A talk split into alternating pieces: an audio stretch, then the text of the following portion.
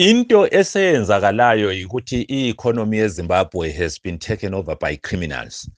Eh ayisaranwa eh, i-reserve bank ayisaranwa i-government eh, a major part of i-economy yezimbabwe is being run by criminals. Lokho esithi i-organized syndicates or ama-cartels. Abantu abalutshwana abalemali abayibo abadrayiva izinto. Imali le ethengiswa emgwaqweni ayisiyo kagogo lokhulu luyana. Yebo kambe babili abathathu abangaba lemali yokuthi baye-trader but most of them bangama-employees. Hallo umadlela lo nilalile inyasaranda lakobulawayo.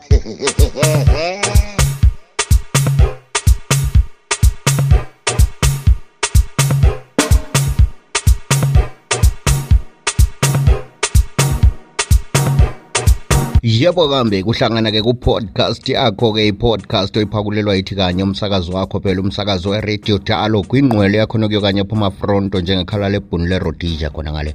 Abanye bonke belandela emuva njengomsila wendlovu yewange. Konke khonokhuyana sekwenzela wena khona ngapho 0773 284 yo kanye inombolo nalena ungayisebenzisa nxa la ufuna ukuthi uxhumane lathi nxa kukhona igalelo la ufuna ukuliphosela khonapha-ke. Kunoma yisiphi isihloko esiyabe sikhona ngaluni lolu suku. Kungasenani ke ngingamotshi isikhathi. Njengoba sizazela velithi podcast luhlelo makhaza asithathe isikhathi sithi hwaphuhwaphu ke siqede ngakhona okuhlana mnela mbizo-ke umgodo obora umgonondo omkhulu ongabhekwa ngamehlo unyasarandela khona apha edolobheni lakobulawayo ukhulekani wakobhethule? Ehlelweni lanamhlanje-ke sikhangele-ke udaba-ke osolukhathaze wonke umuntu udaba lokuwa kwezimali landani okungaqedakaliyo khona kuhlana ama-cross rate asekhona landani kathi kubangwa yikwini khonokho? Into okumele siyiqaphelisise kakhulu yikuthi eh isolution ku-economic crisis yelizwe i-currency crisis idalwa yi-economic crisis. I-economic crisis idalwa yi-political crisis. That is the link ekhona elizweni. Eh even if singazama ukulungisa i-currency crisis itself asisoze siyilungise as long as the broader economic crisis has not been addressed.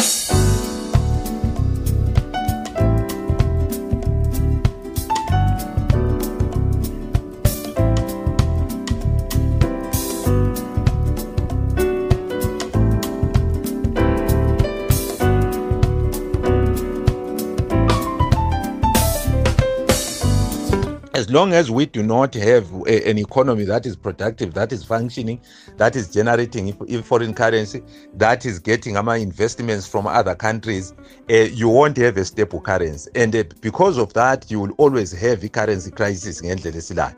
I-economy ibulawa yi-politics yelizwe so if we want to fix at the end of the day indaba zona lezi ezisihluphayo we need to have people in power in government abantu abahlonipha amalungelo abantu abantu ababusa bezwisisa ukuthi abantu balohlupho olungakanani.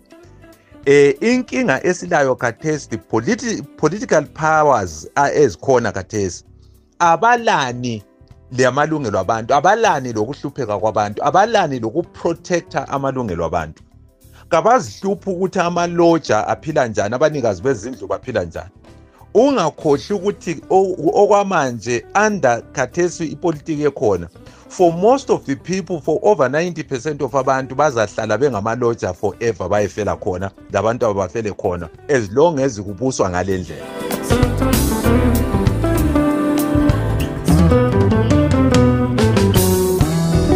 in terms of uh, i-advocacy engayenziwa on behalf of ama-consumers especially ngendaba zona ezo zokuthi irate iyafakwa of course kuyi-multi-currency but ayilandelwa especially ngama-shops esiwaziyo like ama-shops sibili amakhulu.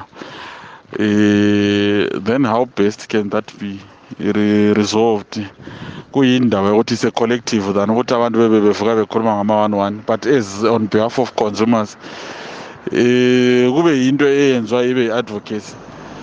And uh, also kube yinto ekhangelwayo especially kuma-shops which are selling into ezingama-basics lama-major major goods.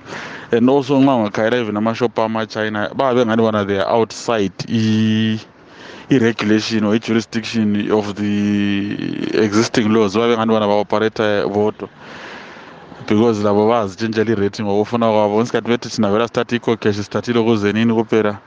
Sithathe i-cash kuphela uma bethi thina sithathe i-u s kuphela into ezinjengazonezo how best can that be addressed ngendlela yokuthi kube yi-collective yokuthi kumele ama-consumers not umuntu oyi-one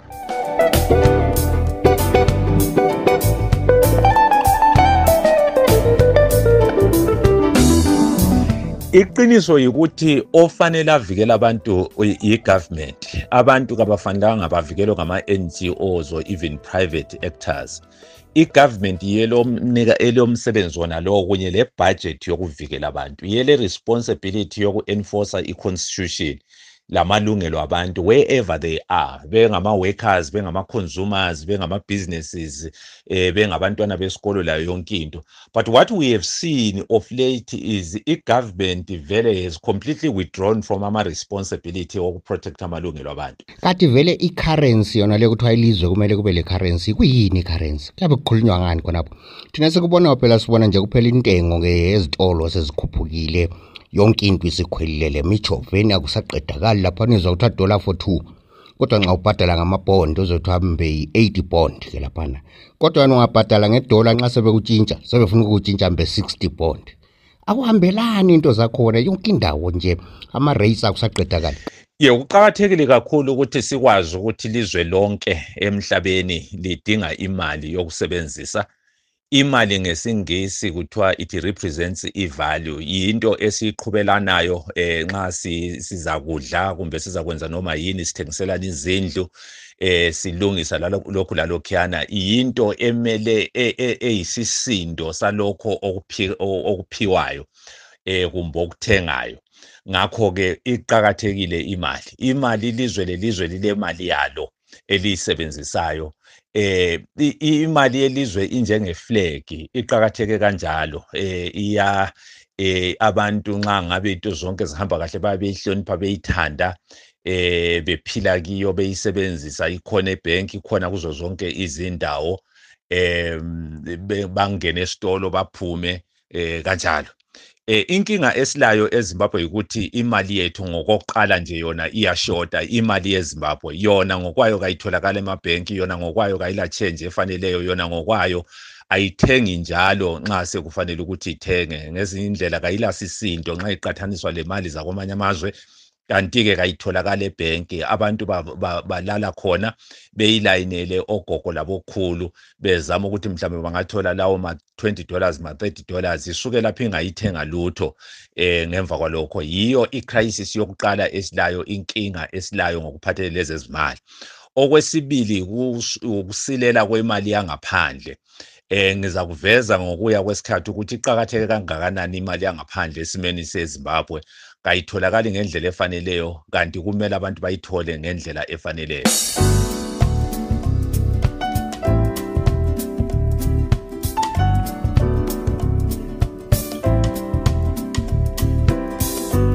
Passport bafuna 300 US let's say for emergency passport.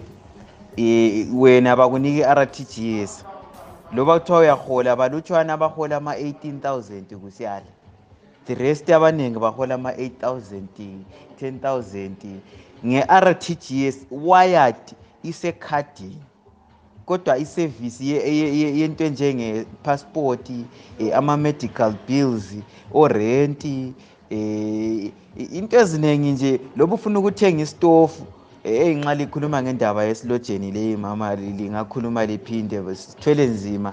Ngoba kasilazo izindlu kodwa nti sizaba lazo lathi. Kodwa okusalayo khona lokhu ukuthi umuntu uza kutshaja nge-forex athi ufuna kumbe 60 us nxa kuyukuthi utshaye izindlu kumbe zimbili kumbe yi-30 us yona leyo one yona leyo mali singayikhalkuletha kathesi mama. Heyi ukuze uyiconvert uze uyithole.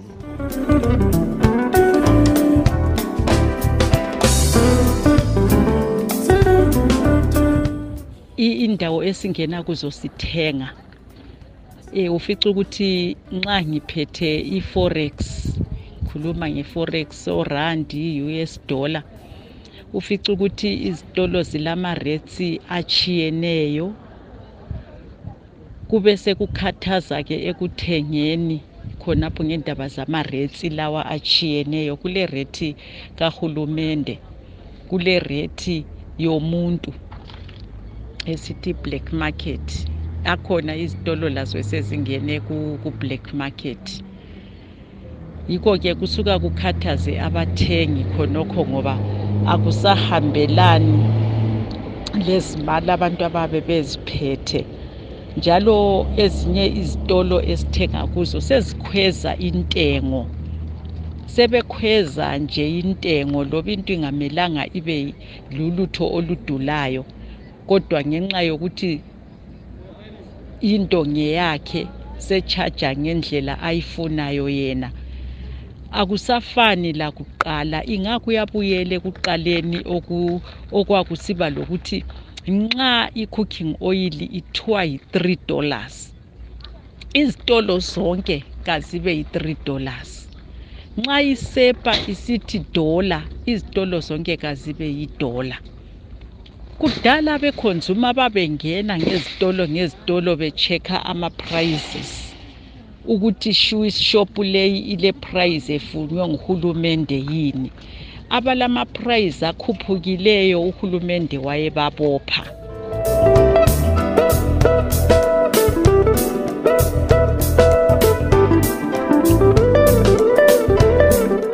Ngalokho-ke sesifike konqengetshe-ke kuhlelo lwakho lwanamhlanje-ke i-podcast yethu yanamhlanje iphela lapha. Nxa lawe kukhona kufuna ukubuza-ke 0773 284598 ulakho njalo usilandela ku-twitter ihandle yethu at radio dialogue revived.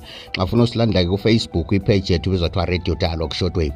Silandele khonaphana-ke kuzithole-ke ama-podcast amnandi ama-podcast engikwaziyo ukuthi uzajabulela khonaphana waphakulelwa yithi kanye. Umsakazi wakho kusukusela kimi nginyasarimbila kobulawa ngithi kwanamhlanje kwanele kuthiwa kungapheliyo kuyahlola ngoba lawo phela umhlola uyaphela ube lo suku olumncwa.